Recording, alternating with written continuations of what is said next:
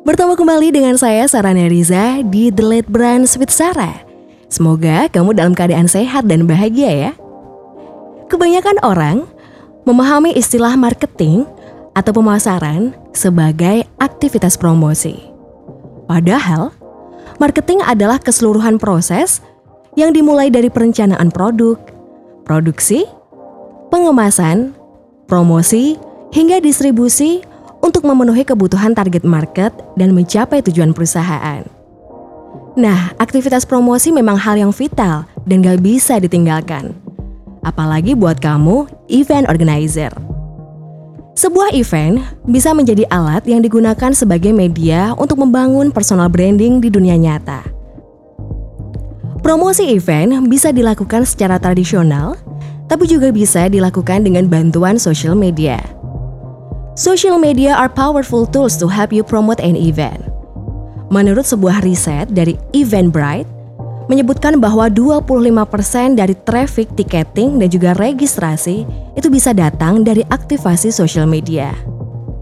Nah, kira-kira bagaimana ya mengoptimalkan social media untuk promosi sebuah event? Ada beberapa hal yang bisa kamu lakukan, baik yang gratis maupun yang berbayar. Yang pertama, Coba deh kamu manfaatkan fasilitas atau fitur yang ada di Facebook. Create sebuah event di Facebook karena cara ini mudah sekaligus gratis dan bisa mengajak banyak orang untuk membagikan event ini ke teman-temannya di Facebook. Kedua, buatlah sebuah konten di social media seperti gambar, infografis, video yang kemudian bisa diupload di Instagram, Facebook, Twitter, LinkedIn, bahkan di WhatsApp story kamu. Nah, yang ketiga, coba deh kamu membuat sebuah hashtag yang relevan atau identik dengan event kamu. Sematkan hashtag tersebut di tiap postingan di sosial media, termasuk juga di profil sosmed. Supaya apa sih? Supaya follower-follower kamu itu yang penasaran bisa langsung mengklik hashtag tersebut dan menemukan informasi terkait eventmu di sana. Yang keempat, gunakan Facebook dan Instagram Ads agar jangkauan promosi semakin luas. Buat sebuah banner postingan dan promosikan dengan jangkauan target market yang sudah kamu tentukan. Biayanya relatif terjangkau, bisa dimulai dari Rp10.000 per hari.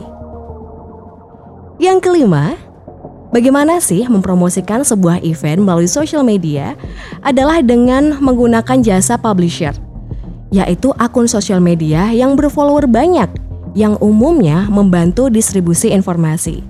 Kayak misalnya akun Agenda Solo, Event Jakarta, Info Jogja, dan lain sebagainya. Kalau kamu punya teman-teman influencer atau buzzer lokal, boleh loh menggunakan jasa mereka untuk membantu promosi event kamu. Pilih figur yang relate dengan eventmu ya, jadi jangan sembarangan. Langkah yang ketujuh, Coba buatlah sebuah postingan terjadwal dan rutin dalam jangka waktu tertentu. Bisa dimulai sebulan sebelum event sampai dengan satu hari sebelum event. Nah, manfaatkan semua social media yang kamu punya. Instagram, Facebook Story, Instagram Story, WhatsApp Story, dan lain sebagainya.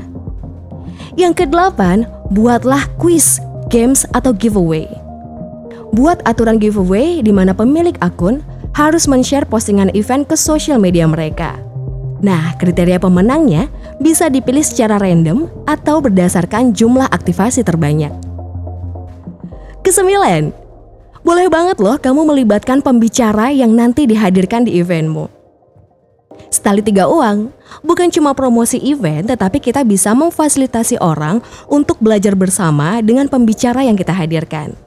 Angkat sebuah topik yang menarik yang mampu menunjukkan tingkat expertise dari pembicara yang dihadirkan di event kita. Nah, kalau yang ke-10, kamu juga bisa memanfaatkan sebuah website atau landing page. Landing page adalah halaman dalam website yang didesain khusus dengan mindset marketing. Halaman inilah yang ditampilkan ketika pengunjung mengakses website dari hasil pencarian. Kalau landing page ini dirasa susah, kamu juga bisa kok membuat sebuah blog atau website yang berisikan informasi detail pelaksanaan eventmu. Yang pasti, ketika mengoptimalkan promosi event di social media, kita harus sudah tahu dulu sebenarnya apa tujuan dari aktivitas promosi tersebut. Apakah untuk kesadaran merek? Atau untuk menjalin interaksi dengan followers? Untuk menarik orang untuk membeli produk kita? Menarik orang untuk join ke event kita?